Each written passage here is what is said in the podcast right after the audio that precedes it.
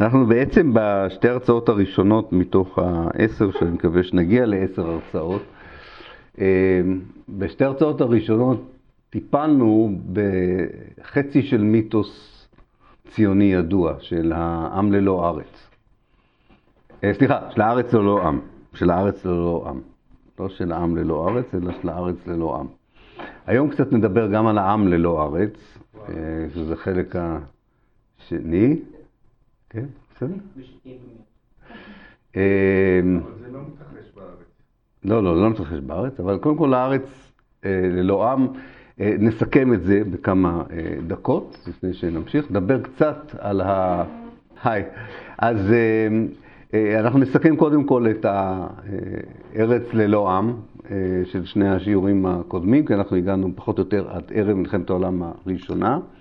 אה, נגיד משהו על התפיסה הזו של העם ללא הארץ שמגיע לפה, על התנועה הציונית, על המקורות שלה, אה, ונחבר את שניהם ביחד אה, לתחילת המנדט, תקופת המנדט, כדי שנמשיך לנוע במבנה הכרונולוגי המסודר שאנחנו מנסים בסבב הזה לעשות.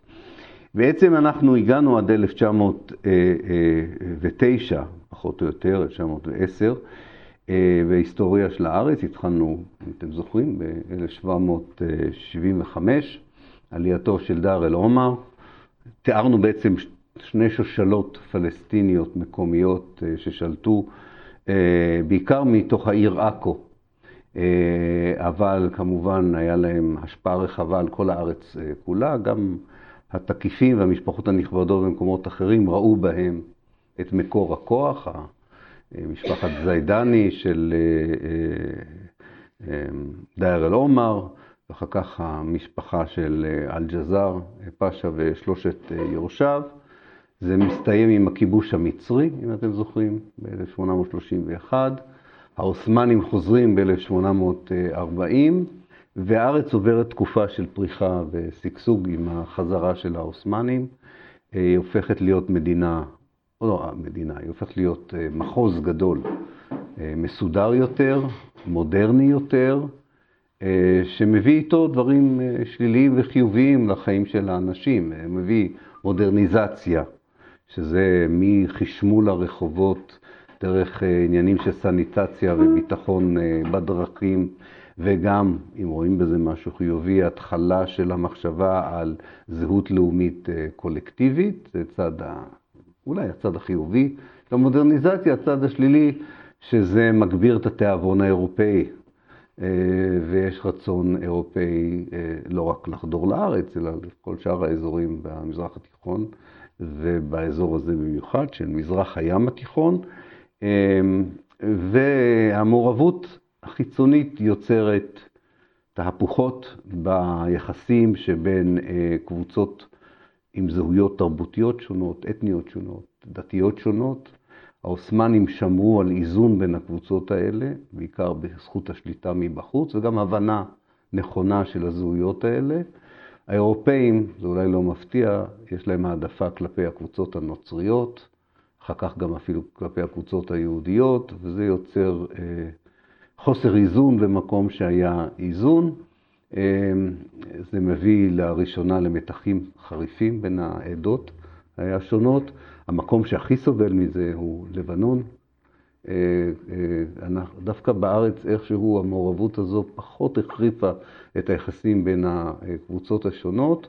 אולי כי פה היה רוב מוסלמי ברור, אה, והיחסים בין הרוב המוסלמי פה לעדות הנוצריות היו יחסים מאוד טובים, והקבוצה היהודית הייתה יחסית קטנה. אה, אז כך שבמקרה של הארץ דווקא זה לא, לא בא לידי ביטוי, להפך, יש עדויות רבות שאנשים מלבנון וסוריה באים לארץ כעיר מקלט לעולם שהתהפך בגלל המעורבות החיצונית. עכשיו, כמו שאתם יודעים מהסיפור של אסלאם פוליטי באופן כללי, כאשר יש חדירה מערבית וחדירה מערבית פוגענית ופולשנית, אז יש גם תגובה מקומית אה, שהיא אה, אלימה והיא קיצונית, וזו גם הסיבה שמתחזקים גם, גם הרעיונות של אסלאם פוליטי, בקרב המוסלמים כמשקל נגד לחדירה המערבית, הסתגרות פנימה, אה, פרשנות הרבה יותר מחמירה וקיצונית של האסלאם. וזה מתחיל בחצי האי ערב, אבל זה עובר מאוד מהר למצרים וסוריה, ואפילו מגיע פה אה, אה, לארץ, כך שגם נוצר עוד מקור מתח חדש שלא היה קודם בין אסלאם, אפשר לקרוא לזה יותר קיצוני, יותר רדיקלי, אה, ופחות סובלני כלפי מי שאינו מוסלמי מהבחינה הזו. זאת אומרת, החדירה המערבית, בקיצור, גם חיובית וגם אה, אה, אה, שלילית בסופו של דבר. הפעם האחרונה שהעות'מאנים עושים פה סקר של תושבים זה ב-1914, זה כבר התוכים הצעירים, ויש בארץ בערך 760-770 אלף איש שגרים בכל הארץ, אה, אה, בערך 550 אלף מהם אה, מוסלמים, מוגדרים כמוסלמים, יש מספר שווה פחות או יותר של יהודים ונוצרים. אני לא טוב בחשבון, אז המורה לפיזיקה שלא יבדוק אותי, אם הגעתי ל-770 אלף, אז אני לא אגיד. מה שנשאר מתחלק לשניים בין יהודים ונוצרים, זה דרך של היסטוריון שלא מבין במתמטיקה לצאת. כל אחד? כן, ו-550, ה-150 אלף שנותרים זה חצי חצי, חצי חצי. כן, אז יוצא בסדר, זה בערך 75 אלף. אני חושב שהיהודים היו קצת יותר מהמוסלמים, היו 85, כן, היהודים היו יותר מהנוצרים, היו יותר מהנוצרים. אבל זה בכל זאת אומר שעוד לפני הבריטים הם גם כן ספרו מוסלמים, נוצרים ויהודים בנפרד. אה, זה לא, לא, לא מדויק, זו שאלה טובה שאתה שואל, לא, הם לא, לא ספרו ככה העות'מאנים, זה רק הקולוניאלים סופרים, מוסלמים, נוצרים וזה. העות'מאנים ספרו לפי מחוזות, אה, והדמוגרף שעליו אנחנו מסתמכים, יש את הדמו, הוא עדיין חי, בן מאה, ג'סטין מקארתי, שהוא הדמוגרף הגדול של פילסטין, הוא חישב לפי מקומות המגורים של האנשים, מי מוסלמי ומי נוצרי, אז זה לא לגמרי מדויק. לא, העות'מאנים מעולם לא ספרו אנשים לפי הדת שלהם או העדה שלהם, זו תפיסה קולוניאלית. בשביל הפרד ומשול, אתה רוצה לדעת אה, מי זה מי זה. אני חושב שב-1917 הבריטים ספרו 700 אלף פלסטינים, 70 אלף. או לא 17, כי הם עוד לא היו פה, זה קשה לספור. 22 הם עשו את הסקר הראשון, הבריטים. הסקר הראשון הבריטי היה ב-1922. 17 הם רק נכנסים לפה. לא, אז הם הסתמכו, אולי, אולי הם הסתמכו על... הם לא יכלו לעשות מפקד ב-17, לא, ממש לא. פשוט הם, שני שליש מהארץ עוד הייתה בידיים טורקיות, אז זה קצת היה קשה. כן. אמ, אה, אבל ב-22 הם עשו סקר אה, מאוד מאוד מסודר, ופעם ראשונה שהסקר הזה באמת מחלק למוסלמים נוצרים. בכל מקרה, זה כמות האנשים. בתוך 80 אלף שמוגדרים על ידי הדמוגרף אה, מקארתי ואחרים כיהודים, יש אחוז גדול מאוד כבר של מתיישבים יהודים, של אנשים שהגיעו בעלייה הראשונה ובעלייה השנייה. אה, זאת אומרת, אם מוציאים את אנשי העלייה הראשונה והשנייה לרגע מהסקר, אז מספר היהודים הוא מאוד מאוד קטן. אה, בעלייה הראשונה הגיעו בערך 20 אלף איש, בשנייה בערך 40 אלף איש, הרבה מאנשי העלייה השנייה עזבו, כמו שאתם ודאי חלק מכם יודעים, לא, לא נותרו פה. העלייה הראשונה היא מ-1882 עד 1905, העלייה השנייה היא מ-1905 עד 1914. וזו כמות גדולה של, של אנשים במובן של המיעוט היהודי, לא במובן של כלל המספר. עכשיו, אה, הם מגיעים ב-1882 אחרי 30 שנה של התעוררות תרבותית יהודית עברית, אם אפשר לקרוא לזה כך, במרכז אירופה ומזרח אירופה. אה, מה שנקרא תקופת ההשכלה, זה ודאי, אני פחות מתעכב על זה כי זה הנרטיב שאתם ינקתם, ינקתם מ, מהגננת יוכבד ברגע הראשון שראיתם אותה, אז אני לא חוזר על זה. אה, אבל הם, הם מגיעים, הם מגיעים, מה, שחש, מה שהגננת לא סיפרה אולי, זה שכמובן זו הייתה עמדת מיעוט אה, בקרב הציבור היהודי. אה, היו שתי תגובות מאוד, בעצם שלוש תגובות מאוד מעניינות לציונות. אה, אה, והן מעניינות בהיבט היסטורי ואולי אפילו בהיבט אה, עכשווי. אחד הייתה כמובן התגובה האורתודוקסית, היום היינו קוראים להם חרדים, אז לא קראו להם חרדים, התגובה האורתודוקסית, שראתה ברעיון של עלייה פוליטית, או הגירה פוליטית לארץ, התעסקות עם רצונו של האל. וכפירה בעיקר, והייתה התנגדות אה, מוחלטת של הרבנים המובילים ביהדות האורתודוקסית לרעיון. אסור לעלות בחומה. כן, נכון. וכמו שרב אחד ידוע אמר להרצל, כשהוא בא לנסות לגייס אותו, הוא אמר, אתה רוצה שאני אחליף אה, תרי"ג מצוות בסמרטוט, דגל, בשיר, המנון, ובפיסת עפר, אדמה. זה אומר, היהדות לא בנויה משלושת הדברים האלה, היא בנויה מעולם ומלואו. זו הייתה התנגדות אחת. התנגדות שנייה הייתה של התנועה הרפורמית, שקמה באמצע המאה ה-19, בהתחלה בגרמניה. אה, הרפורמים האמינו בלב שלם שמדינות המערב, אפשר לקרוא לזה ככה, יבנו בסופו של דבר עולם דמוקרטי שוויוני, ואין צורך בפתרון לאומי לבעיה היהודית, יש צורך בפתרון פוליטי להיעדר שוויון ליברלי ואזרחי במדינות המערביות. הם מתפתחים בצורה יותר, הייתי אומר, נמרצת בארצות הברית מאשר בגרמניה אחרי עליית הנאצים, זה ברור, זאת אומרת, המסר הנאצי לתנועה הרפורמית היהודית בגרמניה היה שזה לא נכון, שאפשר להיות יהודי וגרמני ולהיות חלק מהאומה הגרמנית הדמוקרטית המתחדשת. זה עובד יותר טוב כמובן בארצות הברית. יש להם עמדה נחרצת כנגד הציונות עד אחרי הקמתה של מדינת ישראל.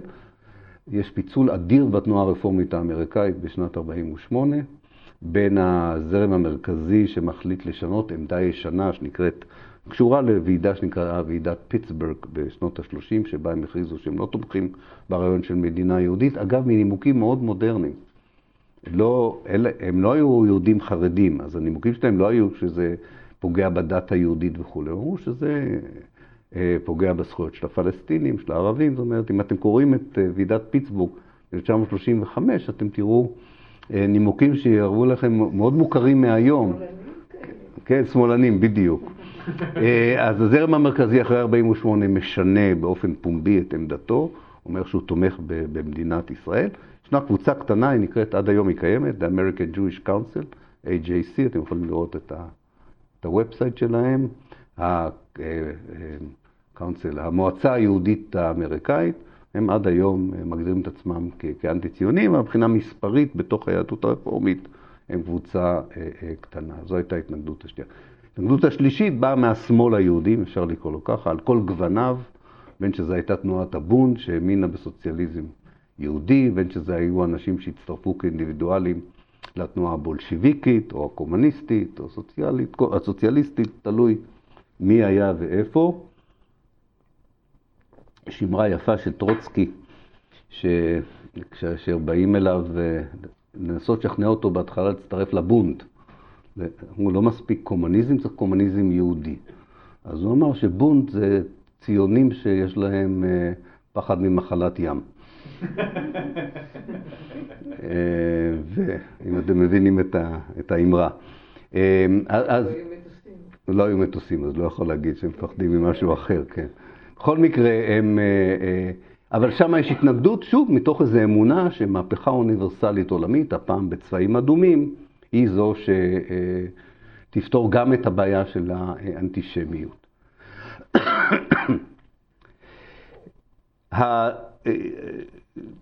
מספר ההתנחלויות, אם אפשר לקרוא לזה, הציוניות הראשונות, אה, אה, מכפיל את עצמו. אה, המספר הזה גדל פי שתיים בין 1882 ל-1914. יש לנו כבר מעל 40 נקודות התיישבות ב-1917, ערב כניסתה של הארץ למלחמת העולם הראשונה. כן. מהנקודות האלה, מה-40 כן. נקודות יש כבר אז נקודות שבאו על חשבון יישובים... אה, אוקיי, בדיוק אני עומד לדבר על זה. בדיוק אני עומד לדבר על זה, איך, איך הם נקנו, מיד אני אגיע לזה. אה, אה, רק רציתי לומר ש... גם כשיש מספר קטן של נקודות, זאת אומרת המושבות הראשונות, ראשון לציון, פתח תקווה, ראש פינה וכולי, יש כבר התעוררות מקומית בקרב האליטה הפוליטית, צריך להגיד, לא בקרב כל האוכלוסייה הפלסטינית, שרואה בזה ראש חץ למשהו שיכול אה, אה, לפגוע בצורה יותר אנושה בחברה המקומית, אם כי זה לא מאפיין את כל התגובות של כל מי שעמד בראש הפירמידה החברתית, הפוליטית והתרבותית של החברה המקומית. עכשיו, אה,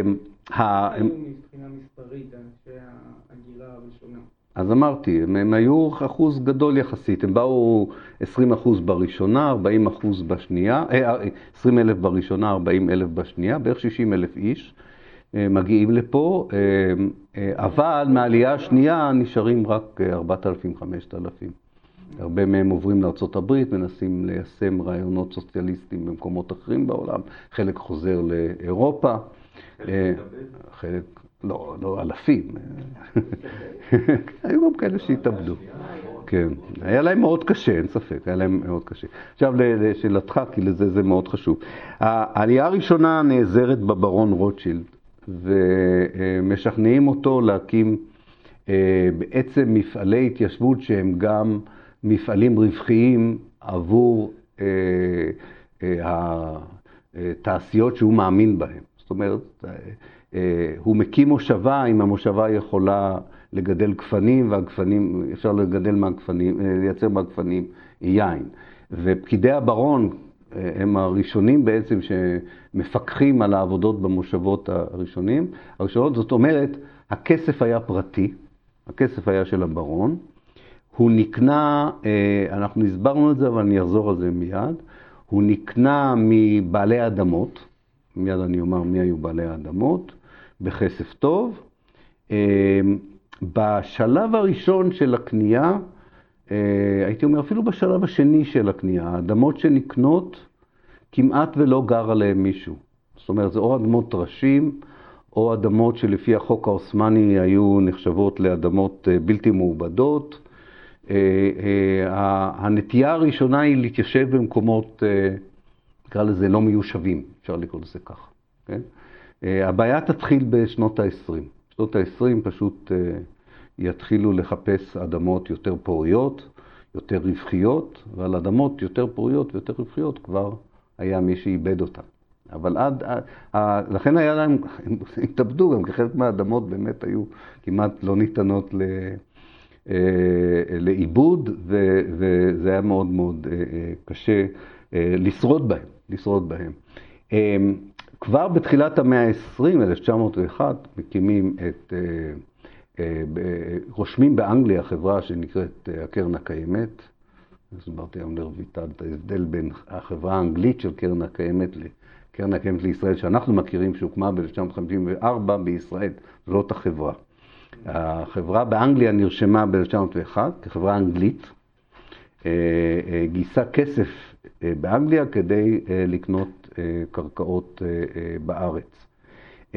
אבל עדיין היה, היה עירוב של קניית קרקעות על ידי הון פרטי ועל ידי הון מגויס למען הפרויקט הציוני, הפרויקט הלאומי. ב-1893 זה בעצם הפעם הראשונה שיש איזושהי התאגדות פלסטינית מקומית אה, בפנייה לפרלמנט העות'מאני לעצור את העלייה הראשונה. זאת אומרת, עוד אין את העלייה השנייה, אז הם רוצים לעצור את העלייה הראשונה ב-893. כשהעלייה השנייה מגיעה ב-1905, יש כבר התארגנויות יותר רציניות בדרישה לעצור את ההגירה היהודית. אה, אה, מ-1893 עד 1917, התביעות שבאות לעצור את ההגירה היהודית מבוססות על ניתוח שאומר זה אנשים שבאים עם תוכנית פוליטית להשתלט על הארץ שלנו, זה יכול להסתיים באסון אה, מבחינתנו. אה, אה, זה היה מאוד מוקדם, והסיבה היא שחלק מהמשכילים הפלסטינים דחו ללמוד עברית, כמו חלק מבני משפחת החוסיינים. אז הם יכלו לקרוא בעברית את, ה, את התוכניות. אמ, חלק גדול מהתוכניות של הרצל, אם זה תוכנית באזל או הנאומים שנישאו בלונדון ובאירופה או בארצות הברית, או התכתובת שהייתה עם העולם, נעשתה בשפות לועזיות, שגם הפלסטינים היו בקיאים בהן. כך שהם לא היו צריכים, מה שאני מנסה לומר, הם לא היו צריכים איזה שירות מודיעין מאוד מורכב בשביל לדעת. המאמר שבאמת הצית את הדמיון של האנשים פה היה דווקא של סופר סורי בשם נג'יב אזורי, שב-1904 כתב. וזה פורסם בכל מיני עיתונים בעולם הערבי, כתב איזה תיאור דיספוטי כזה, זאת אומרת, אה, אה, תיאור עדיתני של אה, מה יקרה אם ההגירה היהודית הזו תלך ותתחזק ותשטוף את הארץ, מה יקרה לתושבים. הוא הרחיק לכת גם מה יקרה לעולם הערבי, הוא קצת נסחף, אבל בסך הכל... נכון? הוא היה נוצרי, נגיד, אזורי, כן. אזורי, עין, זין, וו, ריש, יוד, אזורי. איש התנועה הלאומית הסורית, שהאמין ביצירת סוריה הגדולה, אבל לא ראה את הציונות משתלבת בחזון של לאומיות סורית, אבל כן מדבר, הוא מדבר בכתבים שלו על כך שהיהודים כמובן הם חלק מהתנועה הלאומית הסורית, אז למה הם צריכים תנועה לאומית אה, משלהם? לא... לא, זה לא הנושא שלו, הנושא היה ממוקד בציונות. עכשיו, לכולם, לכל מי שהיה מעורב פה בארץ, הייתי אומר שעד 1917 היו צרות אחרות. אומרת, העיסוק הזה, אסור לקבל את הרושם שהיה פה איזה עיסוק יומיומי בציונות ובסכנות של הציונות. אה, התושבים בארץ, קודם כל, עד לפרוץ מלחמת העולם הראשונה, נאנקו משלטון מאוד עריץ, מאוד מדכא, של הטורקים הצעירים, שהפילו את האימפריה העות'מאנית כבר ב-1909, החליפו את השלטון המכיל העות'מאני בשלטון טורקי לאומני. שדרש מהערבים להפוך לטורקים, אה, רדף כל ניסיון לזהות, אה, אה, להצהיר או לבסס או לייצר זהות ערבית או כלל ערבית או מקומית פלסטינית. הייתה להם משטרה חשאית מאוד אכזרית ומאוד אינטנסיבית, ובמיוחד זכורה לאנשים מהתקופה האחרונה של השלטון הטורקי, כשהמושל בארץ היה אדם בשם אה, ג'מאל פאשה, קראו לו ג'מאל הקטן, להבדיל מג'מאל הגדול. ג'מאל הגדול היה שר המלחמה הטורקי. נדמה לי שסיפרתי לכם, אני רק אחזור על זה, הטורקים הצעירים היו שלישייה דיקטטורית. הייתה שלישייה שתפסה את השלטון והדיחה את הסולטן ויצרה את, את הרעיון של לאומיות טורקית במקום אה, זהות אה, אוסמנית. אחד מהשלישייה קראו לו ג'מאל אה, פאשה, הוא היה שר המלחמה. אבל המושל בארץ... הוא זה שעשה את רצח העם הארמני, לא? כן. וג'מאל הקטן אה, היה המושל של ירושלים, שהיה מאוד אה, שוויוני, כשהוא אהב לתלות כל מי שהוא חשד בו, והוא תמיד דאג לתלות נוצרי, מוסלמי ויהודי. הוא לא אהב אה, להפלות. לא, אבל הוא חשב על איזון כזה, על איזון, וזה היה מחזה כנראה די... זה היה כנראה מחזה מאוד אה, מבעית. הסיבה העיקרית, אגב, שהוא תלה אנשים הייתה פחות האשמה שלהם בחתרנות כנגד השלטון הטורקי בשם לאומיות ערבית, יותר היה עניין שהוא רצה לגייס אנשים לצבא הטורקי ואנשים התחמקו. יש סיפורים מאוד יפים, אה, ואתם יכולים לקרוא את זה בכמה ספרים שגם יצאו בתקופה ההיא, אפילו כנובלות, על נוצרים שמחביאים יהודים, יהודים שמחביאים מוסלמים, מוסלמים שמחביאים יהודים. אה, זאת אומרת, הייתה, הייתה סולידריות שלא תורגמה למדינה אחת, סרבנות, כן, כן. אה, אה, בטח עודד תמיכה בבריטים, לא? כן, בהחלט, בהחלט. לא רק, אתם שמעתם ודאי על כרגיל זה מה נרטיב של הגננת יוכבד, אתם שמעתם על הנחרת נילי וכולי. אה, גם הפלסטינים, היה להם מחתרות אה, פרו-בריטיות, האויב של האויב שלך הוא הידיד שלי, זה ברור. לאט לאט נוצרים קשרים, במיוחד מה שמעניין, שהמשפחה שמובילה אה, בסופו של דבר את הקשר עם הבריטים זה משפחת החוסיינים, שדיברתי עליה בפגישה האחרונה, המשפחה אולי במישור העירוני זו הייתה משפחת האצולה החשובה ביותר. זה עדיין לא חאג' אמין אל-חוסייני המפורסם, זה הדור הקודם של, של האנשים ששולטים בהיררכיה הדתית, החברתית וגם הפוליטית של אזור ירושלים, אבל יש להם השפעה מאוד רחבה אה, על שאר הארץ. הם, הם הראשונים שיוצרים קשרים מהבריטים עוד לפני הכיבוש אה, אה, של הארץ על ידי הבריטים. ככל שהטורקים הצעירים נעשים דכאנים יותר, אכזריים יותר, ככה נוצר יותר קשר חזק בין האויבים שלה, של טורקיה. וכזכור, טורקיה ב-1914 מחליטה לא להכריז על ניטרליות, אלא להצטרף לאימפריה האוסטרו-הונגרית וגרמניה כנגד אה, בעלות אה, הברית אה, במלחמה, במלחמה ההיא. כן, בטח. היה איזשהו קשר, נוצר איזשהו קשר בין המחתרות היהודיות וה... כן, כן, כן, היה להם, היה להם קשרים, כי הפעילו אותם סוכנים בריטים. הסוכנים בריטים היו אותם מפעילים. המפעיל של אהרונסון והמפעיל של אדם במשפחת החוסיינים היה אותו מפעיל. היו מפעילים. אז הקשרים נוצרו מטעם הבריטים, לא, לא, לא, לא נוצרו קשרים אידיאולוגיים, של, זאת אומרת, לא נוצרה איזו תנועה כנענית של, של מרגלים למען הבריטים. אבל בהחלט, הייתה, תקופ, הייתה פה זהות אינטרסים לראות את סיום השלטון הטורקי הצעיר, כי הוא כבר לא שלטון אה, מוסלמי, הוא כבר לא שלטון עות'מאני, פשוט שלטון לאומני שנראה ככובש וכאכזר. אמ, פחות, יותר חשוב אולי לגורלם של האנשים, היו דברים שלא התרחשו בארץ, אלא התרחשו מחוץ לארץ. זאת אומרת, הדיון העולמי במה לעשות עם הארץ. הוא תופס תאוצה והוא ישפיע על האנשים הרבה יותר אולי מהתנועות המקומיות של הזדהות לאומית, של אה, קביעת עובדות בשטח.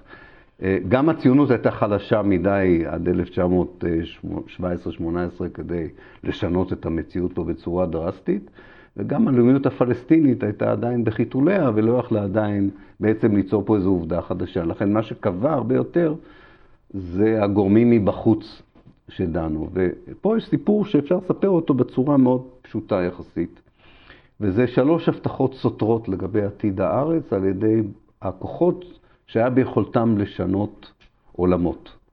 הם יכלו ליצור עמים חדשים, ליצור מדינות חדשות, להתעלם מעמים, למחוק עמים, זאת אומרת, זה האימפריות הקולוניאליות, בריטניה, צרפת בעיקר, אה, בעלות בריתם החדשות, אה, רוסיה שהופכת להיות ברית המועצות, וכמובן כוכב עולה חדש שמגיע למזרח התיכון, ארצות הברית שיש לה את האג'נדה שלה לגבי המזרח התיכון.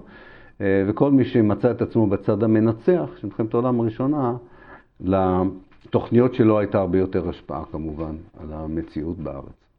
אז אם מתמקדים במה שהופכת להיות אה, פלסטין המנדטורית, או ארץ ישראל המנדטורית, אה, יש שלוש הבטחות סותרות. ההבטחה הראשונה, או פעם ראשונה שמדברים על עתיד הארץ, לא עם התושבים עצמם. כמו שאמרתי, התושבים עצמם הם פחות שחקנים בסיפור הזה. זה התכתבות שנקראת, אולי שמעתם עליה, חוסיין מקמהון.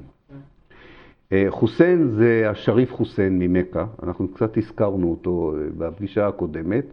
הוא ראש המשפחה, משפחת הנכבדים החשובה ביותר במכה ומדינה. הם חשובים כי הם אחראים כלפי כל העולם המוסלמי בשמירה על שני הערים הקדושות לאסלאם, מכה ומדינה. משפחת, המשפחה ההאשמית. שאתם מכירים אותה מירדן, כן. האשם היה דוד של הנביא, ויש להם אילן יוחסין שמגיע עד הנביא. אה, שריף זה לא השריף, השריף זה הנכבד, אז זה משפחת הנכבדים.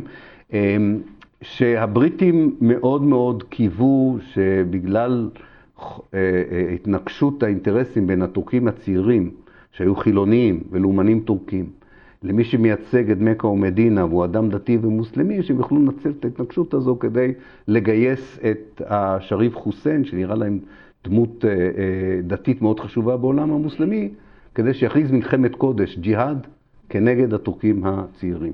לבריטים היה חשש מאוד גדול מה המיעוט המוסלמי בהודו יעשה, במידה ומישהו יצליח לומר להם שבעצם המלחמה נגד בריטניה היא מלחמת קודש מוסלמית, וזה אחד היה הנימוקים שהם עבדו מאוד קשה לגייס תמיכה מוסלמית בנושא הזה.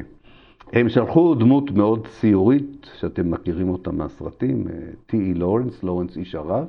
זה האיש שהיה אמור לגייס את התמיכה של השריף לאינטרסים הבריטים. זה היה פיטר סלרס, מי שעוד מהדור הזה שראה סרטים. לא פיטר סלרס, פיטר אוטול, סליחה, פיטר אוטול, פיטר אוטול. אם פיטר סלרס זה היה קומדיה. כן. אבל הוא לא היה יחידי. כזכור, מצרים, דיברנו על זה שבוע בפגישה הקודמת, מצרים כבר מ-1882 חלק מהאימפריה הבריטית. הבריטים כבשו את מצרים ב-1882, וכל המדיניות כלפי אדם כמו השריף חוסיין מנוהלת מקהיר. הבריטים מקימים שם משהו שנקרא המשרד הערבי. לורנס הוא חבר במשרד הערבי, הוא לא היחידי, יש שם הרבה אנשים מאוקספורד ומקיימברידג' שהיה להם BA בהיסטוריה של המזרח התיכון ובשפה הערבית, מגייסים אותם, מביאים אותם לקהיר, והם אמורים לעזור לגייס אה, אה, תמיכה בעולם הערבי להשתלטות בריטית על המזרח התיכון, תוך כדי מלחמת העולם הראשונה. אז הקנדידט הראשון שהם רוצים לגייס אותו הוא השריף אה, חוסיין. מקמהון היה, הנרי מקמהון היה המושל הבריטי במצרים, והוא מנהל באמצעות לורנס חליפת מכתבים בסוף 1915, תחילת 1916, עם השריף חוסיין, על מה יקבל השריף חוסיין אם הוא יצטרף לבריטים במלחמת העולם הראשונה. עשרה מכתבים הם שלחו אחד לשני, אנחנו כהיסטוריונים חושדים שלורנס איש הרב כתב את כל המכתבים, אבל אנחנו לא יכולים להוכיח את זה. לא, לא, כנראה לורנס כתב הלוך ושוב את המכתבים. בכל מקרה, התוצאה היא שהשריף חוסיין מוכן להכריז מלחמת קודש על הטורקים, שזה מאוד חשוב לבריטים. הוא נתן את הצבא שלו, שהיה חסר משמעות מבחינה צבאית, אה, כדי לעזור לבריטים. אה, אפשר לראות את זה אפילו בגרסה הוליוודית עם פיטר אוטול. אה, המבצע הצבאי הכי חשוב שהם עושים, הם תוקפים איזה פסי רכבת בלי רכבת. אמ, כן, זה היה פחות או יותר התרומה הצבאית שלהם למאמץ המלחמתי, אבל זה לא שינה, זה היה כמובן עניין אה, סמלי, זה לא היה עניין אה, משמעותי. אה, השאלה, מה, מה הבטיחו להם בתמורה? ובתמורה הבטיחו לשריף חוסיין שהוא ובניו יהיו מלכים בחסות בריטית על מרבית האזור שאפשר לקרוא לו, לקרוא לו המזרח התיכון, הים התיכון המזרחי, מה שהיום זה עיראק, סוריה, לבנון, ירדן, אה, ואנחנו. זה האזור, וכמובן חצי האי ערב, לא לשכוח את חצי האי ערב. אמ, עכשיו, הבריטים אומרים לו, יש רק מקום אחד, יש איזה אזור אחד, שזה פחות או יותר לבנון והארץ, שאנחנו לא בטוחים עדיין, אנחנו יכולים להבטיח לך אותו, כי יש שם עוד אינטרסים אחרים וכולי. הם יוצרים איזה אה, ניסוח מאוד מעורפל ומאוד לא ברור איזה אזור יהיה של השריף. ואיזה אזור יהיה אולי של מישהו אחר, אי אפשר לדעת. האמת, לפי הניסוח הזה אי אפשר לדעת אם אה, ארץ ישראל או פלסטין כלולה בשטח שהובטח או לא. אה, ברור לכם שברגע שכבר הבריטים כובשים ומתחילה פה מהומת על, הפרשנות של השריף הייתה שהשטח כולל את פלסטין, הפרשנות של הבריטים הייתה שהשטח לא כולל את פלסטין. אה, מאוד מעניינים, אתם רואים את האמנה הפלסטינית מ-1964 ואת הצהרת העצמאות הפלסטינית מ-1988, זה המסמך המעודכן האחרון שהיה של חזון פלסטיני לפני אוסלו, כן? מוזכר שמה ההבטחה בהתכתבות חוסיין מקמהון לתת את הארץ לתנועה הלאומית הערבית שכללה את התנועה הלאומית הפלסטינית. הצהרת בלפור, בדיוק. בוא נאמר ככה, ב, ב, אם אתם קוראים את הפרשנויות של אה, משרדי חוץ אחרים באותה תקופה, אה, הם ראו, הם ראו בבריטים כמישהו שהבטיחו את הארץ לתנועה הלאומית הערבית, לאו דווקא לפלסטינים, אבל השריף חוסיין הציג את עצמו וגם נתפס בהרבה מקומות בעולם הערבי כמי שייצג את השאיפה הערבית הכללית לעצמאות בכל העולם הערבי, או לפחות בכל החלק המזרחי, מה שנקרא המשרק של העולם אה, אה, הערבי. אז זו ההבטחה הראשונה.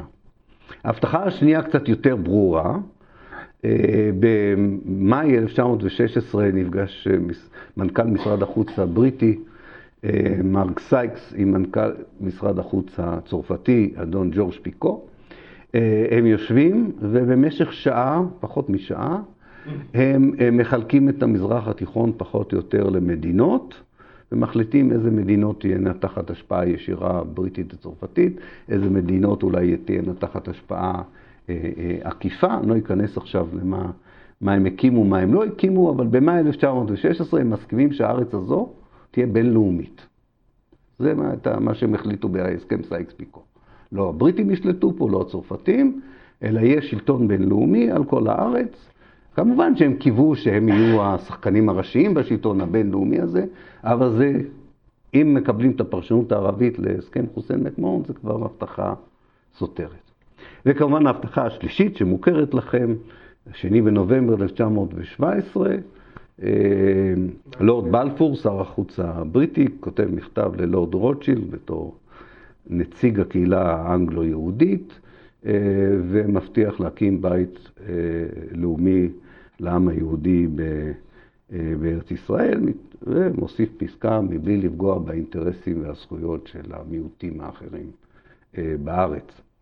שהיו הרוב. כן, בלפור היה איש, אישיות מעניינת, בגלל ש... בין 1906 ל-1917 הוא היה הקול הבולט ביותר בפרלמנט הבריטי שניסה למנוע הגירה יהודית מאירופה לבריטניה. הוא העביר כמה חוקים מאוד קיצוניים שסגרו את השערים של בריטניה להגירה יהודית, הוא היה אנטישמי מוצהר. אה, אה, אז הסיבה העיקרית שהוא נותן את הצהרת בלפור, זה פשוט רצה שהיהודים לא יגיעו לפה. אה, הוא קיבל תמיכה מאוד גדולה של לויד ג'ורג', ראש הממשלה שלו.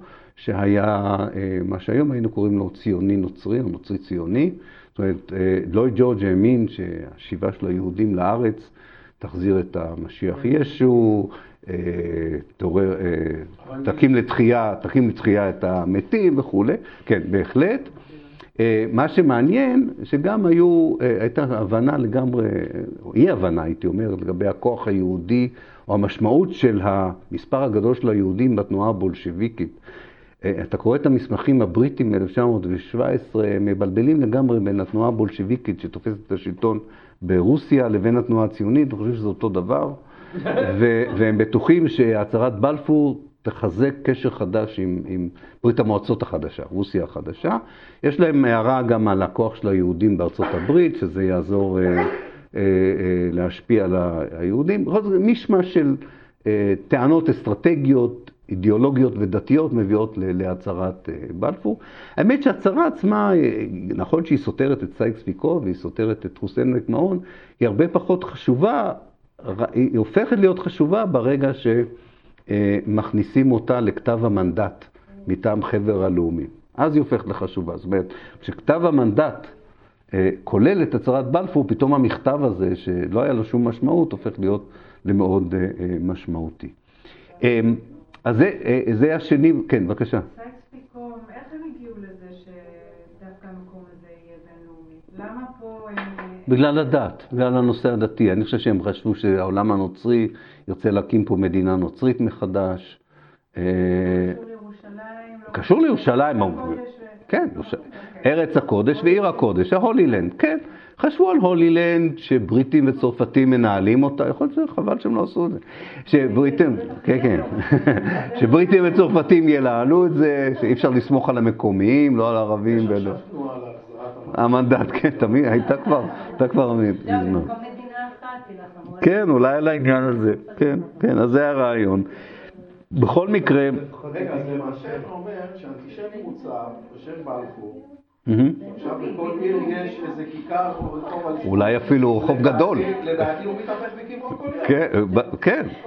אה, אלא אם כן הוא ישכנעו אותו שהרבה יהודים לא חיים באנגליה בגלל שהם באו לפה, אז הוא יהיה מבסוט. תלוי.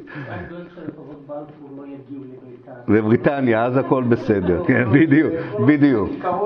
כן, בדיוק, בדיוק. עכשיו, אה, מה שקצת משנה את כל ההסכמים האלה זה, הייתי אומר, מצב הכוחות בסוף המלחמה על הקרקע. זה הופך להיות לא פחות חשוב מההסכמים שנחתמו. אז קודם כל, הצרפתים לא מספיקים להגיע ולהילחם פה. ואז הבריטים אומרים, רגע, בכלל, הם לא מגיעים בכלל. החייל הצרפתי הראשון נוחת באזור שלנו בינואר 1920. קצת מאוחר, זאת אומרת, הם קצת איחרו. בכלל בלבנון, לא? בלבנון, נכון. אה, ואז אה, לויד ג'ורג' אומר, סליחה, החבר'ה האלה, אנחנו צריכים לתת להם את כל מה שהבטחנו, אף חייל צרפתי פה לא, לא הקיז דם. ואז יש אה, משא ומתן מחודש על סייקס פיקו בעצם, ב-1919, נותנים לצרפתים הרבה פחות ממה שהבטיחו להם בסייקס פיקו, אבל עדיין הם מקבלים את מה שהיום סוריה ומה שהיום לבנון. והבריטים אומרים, תשכחו מארץ ישראל הבינלאומית, פלסטין הבינלאומית, זו הופכת להיות עכשיו חלק מהאימפריה הבריטית. הצרפתים לא מתלהבים, אבל אין להם שום, שום אפשרות אחרת. יש תסבוכת שאני חושב שסיפרתי עליה, אבל לא יזיק להכניס אותה פה עוד פעם, כדי שהסיפור יהיה מלא. אה, כאשר כבר הכל נראה מסודר, זאת אומרת, מחליטים שמה שהיום עיראק תהיה בריטית. שירדן, שהייתה חלק מסוריה, תהיה, בהתחלה זה היה הרעיון הבריטית, שירדן וארץ ישראל יהיו ביחד יחידה פוליטית אחת. וסוריה ולבנון הייתה אמורה להיות יחידה אחת, הם גם כן לא רצו בהתחלה להפריד אותה. ברגע שיש להם איזה מפות, מאוד מעניין אגב להיכנס לארכיונים, לראות את המפות השונות שהם ציירו, וכבר סידרו למי גם לא תהיה מדינה, למשל החליטו של הכורדים ולארמנים ולעלווים ולדרוזים, לא תהיה מדינה, כי היו בקשות כאלה אחרי מלחמת העולם הראשונה, אנשים באו וביקשו להקים מדינה בשם זהות לאומית או זהות אה, דתית, והבריטים והצרפתים החליטו מי זכאי ומי אה, אה, לא זכאי. ברגע שהכל נראה להם מסודר, פתאום נסיך האשמי, אני חוזר לשריף חוסיין, אחד הבנים שלו, פייסל, כנראה, שהיה הכי מקורב ללורנס, איש ערב, אז כנראה גם לורנס עזר לו להבין מבין ש, שזה לא הולך בדיוק לפי התוכנית, הסיפור. למרות שהבריטים אומרים לו, אל תדאג, אה, אה, הבנים שלך ישלטו על ירדן ועל, אה, לא על ירדן, רק על עיראק ועל סוריה, על עיראק ועל סוריה. הבטיחו לו את עיראק. פייסל הוא הסבא רבא של חוסיין. סבא רבא של חוסיין. ופייסל מגלה שהבריטים לא רק עושים הסכמים עם היהודים ועם הצרפתים על חשבון מה שהבטיחו לאבא שלו בתרומה, בתמורה למאמץ המלחמתי, הוא מגלה שגם בחצי האי ערב יש להם הסכמים עם משפחה באמצע המדבר שנקראת משפחת סעוד, וסוכן אחד מבטיח למשפחת סעוד שאם הם רוצים לכבוש את מקו מדינה, הבריטים לא יפריעו להם, וסוכן אחר מבטיח לאשמים שאם ינסו לכבוש את מקום המדינה, הצבא הבריטי יעזור להם להגן עליהם. ובינתיים הסעודים מתבררים כלוחמים עזי מצח, והם מתחילים להתקרב לאזור, ה... לאזור המגורים של האשמים. פייסל מחליט לעזוב את, אה, את מכה ומדינה ב-1920, ובעצם לקרוא תגר על ההסכם סייקס פיקו המחודש. אמרתי לכם ש... הבריטים דרשו מהצרפתים לשנות הסכם סייקס פיקו, כי לא היה פה אף חייל צרפתי. ולפי הסכם סייקס פיקו החדש נוצרת מדינה חדשה שנקראת סוריה. בינתיים לבנון היא חלק ממנה, אחר כך הצרפתים יפרידו בין הסורים ללבנונים, ומדינה חדשה שנקראת עיראק.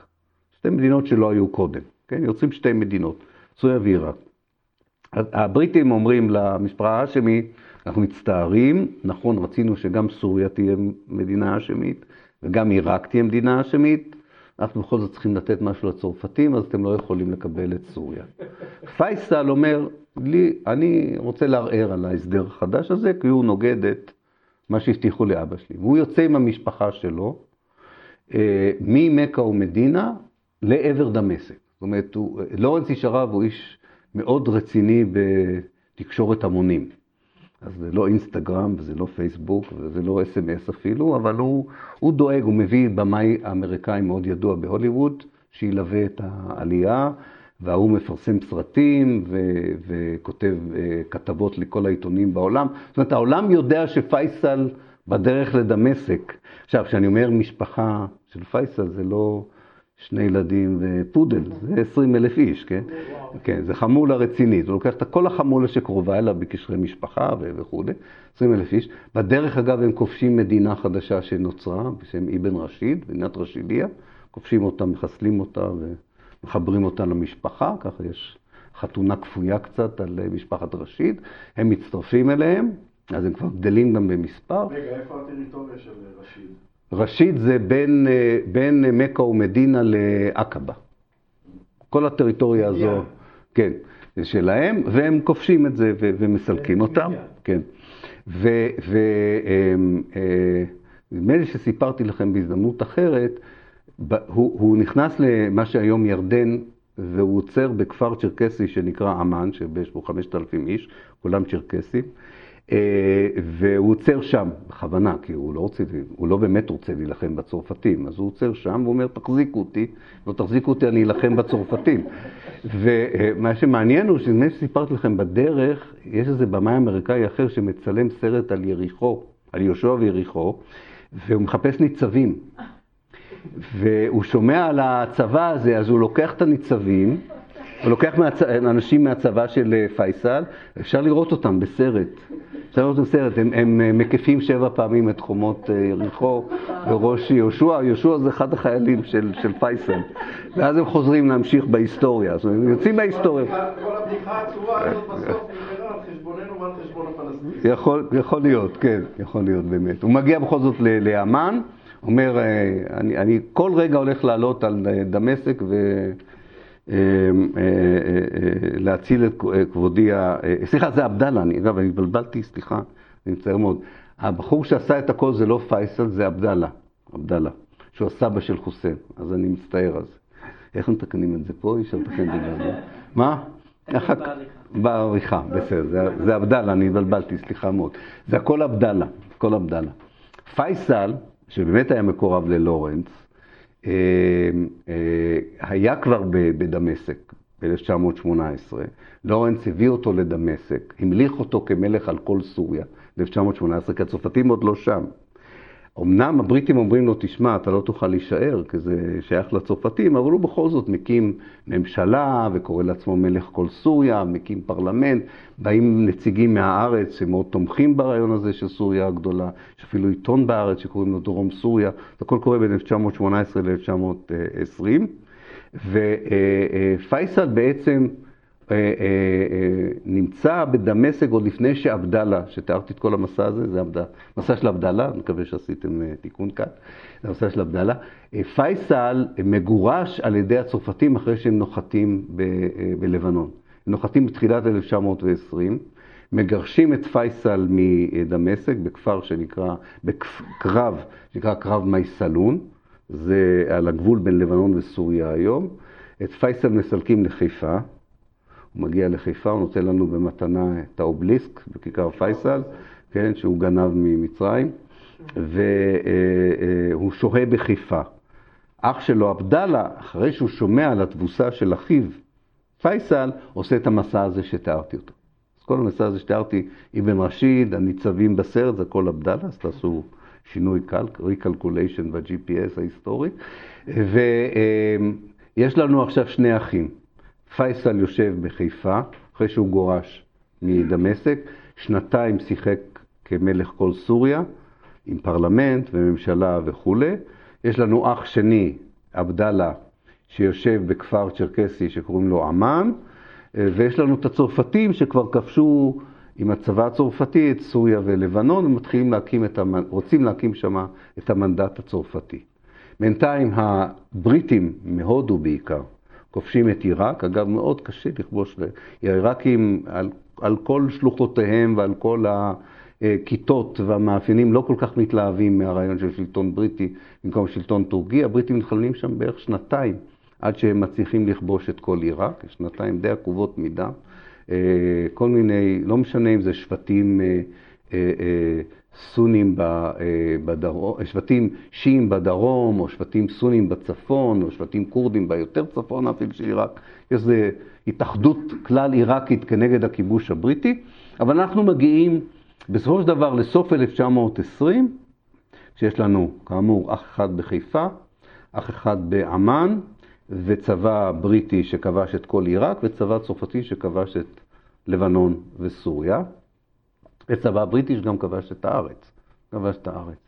ומה עם הקטע של אה, מה שהיום ירדן? זה גם היה בשליטה בריטית. כן, כן, כן, אמ"ן, אני אומר, זה, זה בשליטה בריטית, אבל יש את המשפחה של עבדאללה והצבא שלו, ב, הוא נכנס למרות, תראה, כשאני אומר שהבריטים שלטו, אז עדיין יכול היה צבא כמו של אה, אה, עבדאללה להיכנס לתוך ירדן של היום ולהתמקם באמ"ן, מבלי שהבריטים ירצו רצו יכלו לגרש אותו. זאת זה היה, הייתה, הייתה תחושה של זמניות, זאת אומרת, אף אחד עוד לא ידע בדיוק איך הדברים התעצבו, משתי סיבות, משתי סיבות. לא, המלחמה נגמרה, אנחנו כבר שנתיים אחרי המלחמה, כבר אין מלחמה. לא, שתי סיבות. אחת, קשורה למצב הבינלאומי. זאת אומרת, האמריקאים דורשים מ-1917, מהרגע שהם נכנסים למלחמת העולם הראשונה, לצידם של בריטניה וצרפת, הם דורשים שהם יהיו מעורבים בשרטוט המפה העולמית, שרטוט המפה העולמית אה, אחרי מלחמת העולם הראשונה. ובראש האמריקאים עומד הנשיא אה, וודרו ווילסון, שהוא מאוד מאמין בזכות ההגדרה העצמית של עמים תחת אימפריות, והוא מאוד לוחץ על הבריטים והצרפתים לכבד רצון לזכות הגדרה עצמית של קבוצות שרוצות להיות קבוצות לאום ורוצות להקים מדינות לאום, והוא מסבך להם קצת את החיים, הוא גם הקים את הארגון הבינלאומי שקדם לאו"ם, את אה, אה, חבר העמים, או אה, איך זה נקרא? חבר הלאומים. חבר הלאומים, תודה. יש חבר הלאומים. והוא אומר, חבר הלאומים יקבע איזה קבוצה רשאית לזכות הגדרה עצמית, איזה קבוצה לא, וימנה, זה היה רעיון של ווילסון, ימנה מעצמה אירופאית שתעזור לקבוצה הזו להפוך למדינת לאום בסוף. זה הרעיון של המנדט. מנדט זה הרי אה, נתינת ייצוג. תהיה מעצמה שתייצג את הקהילה הבינלאומית, זאת אומרת, חבר הלאומים, ותפקח על הפיכת הקבוצה הזו מקבוצה רגילה לקבוצה לאומית, שבסופו של דבר תקים מדינת לאום, כן? ואז הם מחליטים למי מגיע. למשל, למורים יש כזה דבר שנקרא העם העיראקי, יש כזה דבר שנקרא העם הסורי, כזה דבר שנקרא העם הלבנוני, ואנחנו, העם המצרי, ואנחנו נעזור למדינות האלה להפוך למדינות לאום.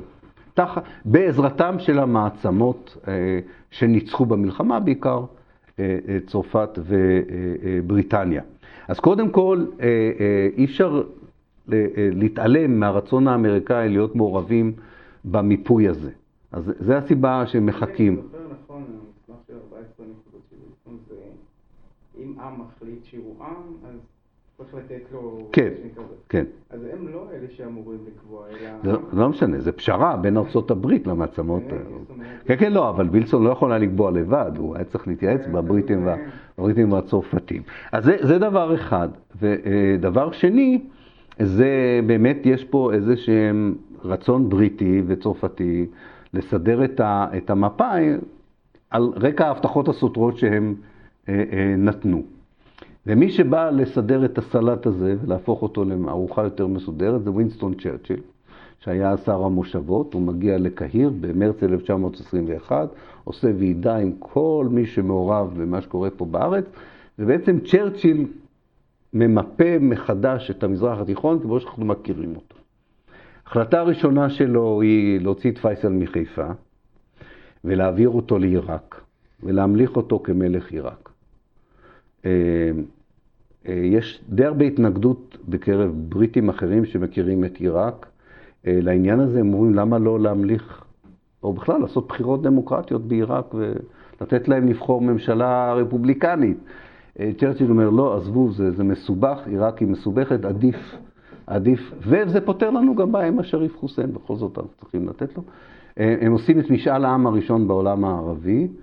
שהוא כולו מהונדס על ידי הבריטים, 99.9% מהעיראקים רוצים שפייסל יהיה מלך עיראק. אחר כך כל מיני שליטים דיקטטוריים בעיראק מבינים שזה רעיון יפה.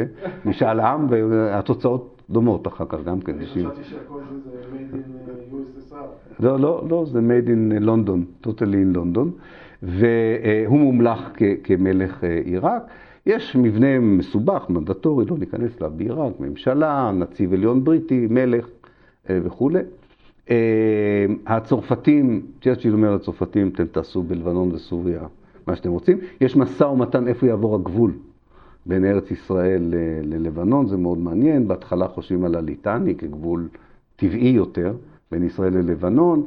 אחר כך הצרפתים משכנעים את הבריטים שהשיעים שגרים דרומה לנהר הליטני, עדיף להם להיות חלק מלבנון מאשר חלק מפילסטין או ארץ ישראל המנדטורית, ורק ב-21-22 גומרים את, ה, את הסיפור הזה של האצבע של מטולה, שאתם מכירים אותה, בסופו של דבר. ו, אמ, אז טוב, פייסל, מצאנו ממלכה למלך שיושב בחיפה. מה עם המלך אה, שהבטיחו לו אה, או את עיראק או את סוריה, והוא יושב בכפר הצ'רקסי שנקרא אמן עבדאללה, אותו עבדאללה שהגיע ואמר תחזיקו אותי, אני הולך לכבוש את סוריה. אז יוצרים לו ממלכה, אה, צ'רצ'יל מנסה, למרות שגם כן יש התנגדות פה בקרב השולטים הבריטים בירושלים, הוא אומר להם, עזבו, בואו בוא נחלק את הסיפור הזה, מזרחית לנהר הירדן תהיה ממלכה חדשה, נקרא לה ירדן, ערב, אגב, הם קוראים לה טרנס ג'ורדן, עבר הירדן, ועבדאללה יהיה המלך של עבר הירדן. אה, בסופו דבר משכנעים אותם, כי, כי יש מעט מאוד תושבים בצד המזרחי, יש בעיקר מדבר, יש מעט מאוד אדמות פוריות, חוץ מאשר עמק הירדן בצד השני, ואז הממשלה הבריטית אומרת, בסדר, אתם יודעים מה, שיהיה, שיהיה שם מלך חדש. אה, לא יודע אם הוא מתלהב מהעניין או לא, אבל הוא, הוא, הוא זונח את הרעיון שלו לכבוש את, אה, את סוריה אה, בכוח, ואז מגיעים לוועידת לוזאן ב-1923, שזו הוועידה האחרונה שסוגרת, היו המון ועידות, אני חסכתי מכם שמות של ועידות, היו הרבה ועידות בדרך כדי לסגור סופית את המפה של המזרח התיכון. הוועידה האחרונה היא בוועידת לוזאן, אה, בריטים, אמריקאים, צרפתים, כולם יושבים שם, והבריטים מסבירים והעולם מקבל. את המפה החדשה של המזרח התיכון. סוריה ולבנון מדינות מנדטוריות צרפתיות, עיראק וירדן וארץ ישראל אה, או פלסטין מדינות מנדטוריות אה, בריטיות, ובכתב המנדט הבריטי על הארץ תיכלל הצהרת בלפור. יש ויכוחים מאוד קשים בוועידת לוזאן על הרעיון הזה, אה, בייחוד האמריקאים. האמריקאים אומרים זה בניגוד לרעיון של המנדט. זאת אומרת, צריך לשאול את הפלסטינים אם הם רוצים להקים מדינה יהודית. ואז, אגב, האמריקאים לא רק אה, אומרים את זה באופן תיאורטי, הם שולחים לכאן כמה משלחות, המשלחת המפורסמת ביותר הם כבר שלחו, ב-1919 הם שלחו לכאן משלחת שנקרא קינג קריין, שני אקדמאים שהיו חברים של הנשיא ווילסון, מגיעים לפה במשך שנה, שנתיים, מנסים לברר האם התושבים הפלסטינים רוצים מדינה יהודית. כזה לא להאמין, אה? כן, הם, הם, הם באים לפה והם כותבים דוח לחבר הלאומים, שאומר שהרוב הגדול של תושבי הארץ לא רוצים, מפתיע, לא רוצים לחיות במדינה יהודית, הם היו מעדיפים, הם, הם מתלבטים, אם, אם, אם אין אפשרות, הם כותבים, אם אין אפשרות להיות חלק מסוריה הגדולה, אם אין כזה דבר, אז הם מעדיפים להקים את מדינת פלסטין העצמאית, הם כותבים, רוצים מדינה חילונית, דמוקרטית, יהודים, מוסלמים ונוצרים יוכלו לחיות בה, זה העדפה, ואגב, אם ארצות, הם מעדיפים את ארצות הברית כמעצמה מנדטורית, שזה לא הולך, כי ארצות הברית לא רוצה להיות מעצמה מנדטורית בשום מקום. אה, אז זהו, אז מה שמעניין, זה מגיע לחבר הלאומים, הדוח הזה. דוח קינג קריין הוא דוח רשמי, שחבר הלאומים אה, ביקש אותו.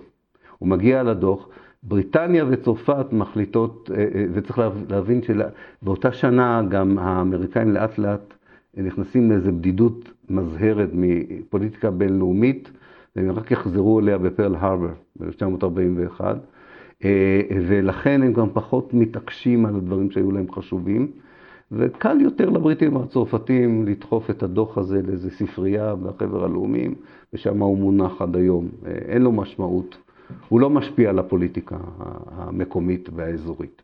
מה שמשפיע זה ההחלטה הבריטית להכניס את אה, הצהרת בלפור. לא רק זה, הבריטים אה, בשנתיים הראשונות שלהם בשלטון בארץ שולטים שלטון צבאי. כי הם לא יכולים אה, לקבוע פה שלטון פוליטי כל עוד לא נפלה החלטה בינלאומית על מעמד הארץ. אז פה הכל הולך לפי ממשל צבאי. ב-1920 הם מקימים ממשל יותר אזרחי, שהופך ממש לרשמי אחרי ועידת לוזאן ב-1923. הנציב הראשון שמביאים לפה, השליט הראשון הבריטי מטעמם, זה אדם בשם הרברט סמואל, יהודי אנגלי, ציוני, אה, וזה נותן אפילו עוד יותר תוקף להכנסה של הצהרת בלפור לכתב המנדט. אה, כי אה, הוא מתחייב בפני התנועה הציונית שכתב המנדט עם הצהרת בלפור יהפוך למדיניות בשטח. יכול להיות, יכול להיות נציב בריטי אחר שהיה אומר, בסדר, זה כתוב, אבל אני דווקא יותר מחויב לרעיון הזה של הרוב. ואז הוא לא היה במיוחד עוזר לסוכנות היהודית אה, לקנות אדמות, אה, להקים מדינה בתוך מדינה, להתחיל ליצור את התשתית בעצם למה שהופך להיות אחר כך אה, מדינת ישראל. אבל הרברט סמואל בהחלט באופן מודע, הייתי אומר אפילו נותן פרשנות קיצונית להצהרת בלפור, כאילו... ציונית. ציונית, יפה, פרשנות ציונית להצהרת בלפור, והופך את המכתב הזה, שנכתב בשני לנובמבר, לגורם בעל משמעות ביצירת עובדות אה, בארץ. אני אסיים ואני אומר כך, בין 1918 עד בערך 1923, עד ועידת לוזאן, הבריטים מאוד ניסו לשמור על הזכויות של הפלסטינים, צריך להגיד את זה, אפילו כשהרברט סמואל היה פה. אה, למשל, כשהתחילה קניית אדמות תחת השלטון הבריטי ב-20 ל-23, אה, הבריטים מאוד הקפידו שאי אפשר לקנות אדמות שיש עליהן אריסים, אה, מה שהציונות רצתה. כן? כאמור, אם אתה מסתכל על מפה של הקרקעות בארץ, הקרקעות ששוות זה קרקעות שמאבדים אותן. קרקעות שלא שוות, לא חי עליהן מישהו. אז אותן אפשר לקנות יחסית בקלות.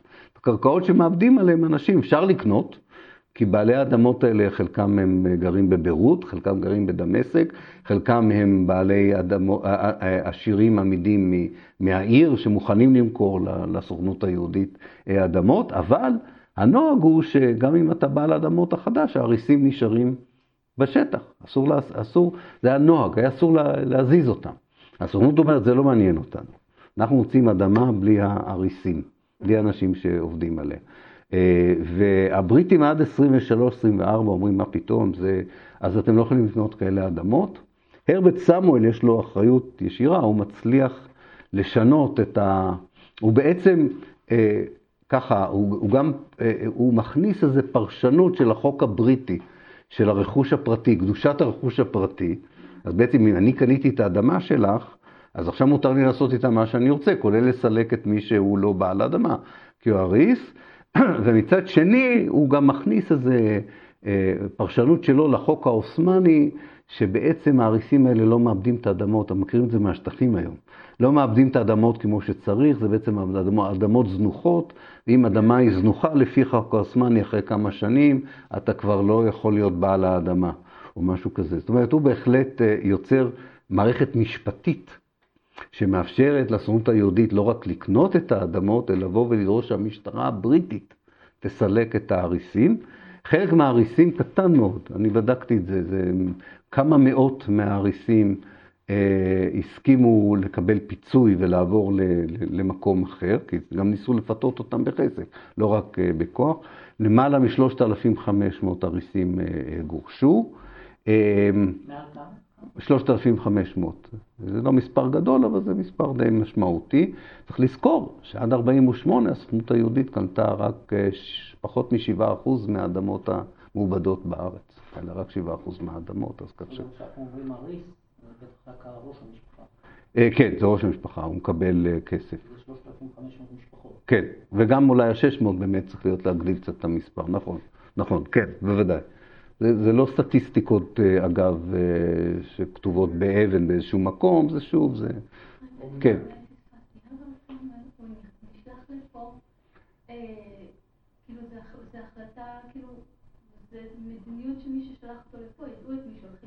כן, אבל האימפריה הבריטית היא ענקית ב-1920, והנציב העליון, מה שנקרא high commissioner, אם הוא במצרים, או שהוא בהודו, או שהוא בקונגו, או שהוא בגאנה, קונגו לא, זה הבלגי, גאנה, יש להם המון אה, אוטונומיה. זאת אומרת, בריטניה לא מנהלת, אין micro-management כזה של ה... זאת אומרת, החזון שלו, התוכניות שלו... הספציפי הזה, אה, הם שלחו אותו, הם שלחו ביודעין ציוני. כן, כן, בהחלט, בהחלט. הממשלה הבריטית של 22, של 1920, 21, 22, בהחלט, בהחלט. זה, זה, זה, זה ממשלה ש, שרוצה להפוך את הצהרת בלפור ל, ל, ל, למשהו ממשי בשטח. צריך... מאותן סיבות שהם נתנו את הצהרת בלפור, יש שם עדיין את לואי ג'ורג' שמאמין שזה בכלל עניין נוצרי. יש את הכובש, הגנרל שכבש את הארץ, לורד אלנבי, גנרל אלנבי, הוא זה שפיזית כבש את הארץ, הוא בכלל מאמין שהוא אה, אה, אה, מייצג את הצלבנים, שהוא מחזיר את עטרת הצלבנים ליושנה, והוא גם מאוד משמעותי בארץ, לפחות עד 1920. ויש את... כן, כן, כן, זה אינטרסים אסטרטגיים, כן, כן. וצריך לזכור עוד דבר, אחרי מלחמת העולם הראשונה יש התפכחות בעולם הערבי, אחרי שהרבה אנשים בעולם הערבי שעמדו בראש, בראש תנועות לאומיות לשחרור, עזרו לבריטים והצרפתים בעצם להביס את הטורקים, הם פתאום מבינים שהבריטים והצרפתים לא ייתנו להם עצמאות. כן מנדט, לא מנדט. ויש תנועות שחרור לאומיות בסוריה, בעיראק, בלבנון, בחצי האי ערב, במצרים, והבריטים פתאום אומרים, עדיף שלטון יהודי מאוד שלטון ערבי בארץ. זאת אומרת... בארץ יש... לא, עדיין, עדיין לא, לא נלחמים בבריטים עדיין בארץ. לא, לא, בשנות ה-20 אה, הציונות נשענת על הכידונים הבריטים כדי אה, להפוך לקבוצה משמעותית. הייתי אומר שרק ב-1936 יש כבר יכולת קיום עצמאית ליישוב היהודי. עד 1936, עד שלא באה העלייה הגדולה השלישית והרביעית, זה יישוב קטן, עני, חסר אמצעים צבאיים להגן על עצמו, והסיבה היחידה שהוא שורד זה א', כי העוינות הפלסטינית בניגוד למה שמתארים אותה לא הייתה כל כך גדולה, למרות המאורעות, כמו שקוראים להם בנרטיב הציוני, של 20, 21 ו-29, בכל זאת זה לא הייתה עוינות אה, כזו גדולה, והסיבה העיקרית שהבריטים מגינים על היישוב הזה. הם, הם רוצים להשאיר אותו קיים. אם הבריטים היו מחליטים אה, לא להגן על היישוב היהודי עד 36, ואם התנועה הלאומית הפלסטינית הייתה מאורגנת והייתה מחליטה ש, שזה מטרתה העיקרית, אז יכול להיות שהיישוב לא היה מחזיק פה מעמד. אז איך משתלב פה הספר הלבן הראשון? הספר הלבן הראשון הוא 1930. זה 30. 30 מתחילה לכן אני אומר, המזל של התנועה הציונית זה שלוש, בין 30 ל-36, היא הופכת לכוח יותר משמעותי. הבריטים מתחילים להתחרט על כל המדיניות מ-1917. ספר הלבן בעצם מבטל את הצהרת בלפור. אה, את המחויבות של הצהרת בלפור, אבל זה חסר משמעות באיזשהו מקום. הוא כן מטיל הגבלות על עלייה וקניית קרקעות, זה נכון. אבל אה, במקביל, הנאציזם והפשיזם עולה באירופה, אה, וזה מתחיל לסבך את הבריטים גם כן מהבחינה הזו, יש להם גם אינטרסים אחרים, אנחנו נדבר על זה במפגש הבא, אנחנו לא ניכנס לזה. אני רק רוצה לסכם ולומר שבסופו של דבר יש לנו פה, אה, אה, אני דיברתי בפגישה הקודמת על המאה המודרנית הקצרה של הפלסטינים, 1840 עד 1917. אנחנו נכנסים עכשיו ל-30 השנים של השלטון אה, הבריטי, והשלטון הבריטי עדיין מבחינת המודרניזציה, הארץ מתפתחת, וזה כולל התפתחות של האוכלוסייה הפלסטינית, זה לא רק האוכלוסייה היהודית. אבל מצד שני, מבחינה פוליטית, בהשוואה לאינטרסים הזרים שהיו למעצמות הזרות, האינטרסים של התנועה הציונית הרבה יותר הרסניים לאוכלוסייה המקומית מאשר אינטרס בריטי או צרפתי להכניס את הארץ למעגל ההשפעה. פה פתאום יש תנועה אידיאולוגית, אנחנו נדבר על זה במפגש הבא, שכבר משנות ה-20 וה-30 רואה חזון של טרנספר, חזון של גירוש, חזון של ייהוד הארץ. אה, קיצור, חדשות מאוד רעות לכל מי שהוא פלסטיני, בין שהוא פלסטיני טוב ובין שהוא פלסטיני רע, המציאות שלו מפריעה למימוש החזון הציוני. אה, זה לא יעזור, אה, מה שחשוב זה שאתה לא יהודי ואתה לא חלק מהחזון הציוני, וזה כמובן משהו ש...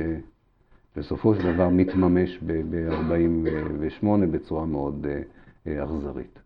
אולי אני אעצור כאן, נעשה אולי איזו הפסקה.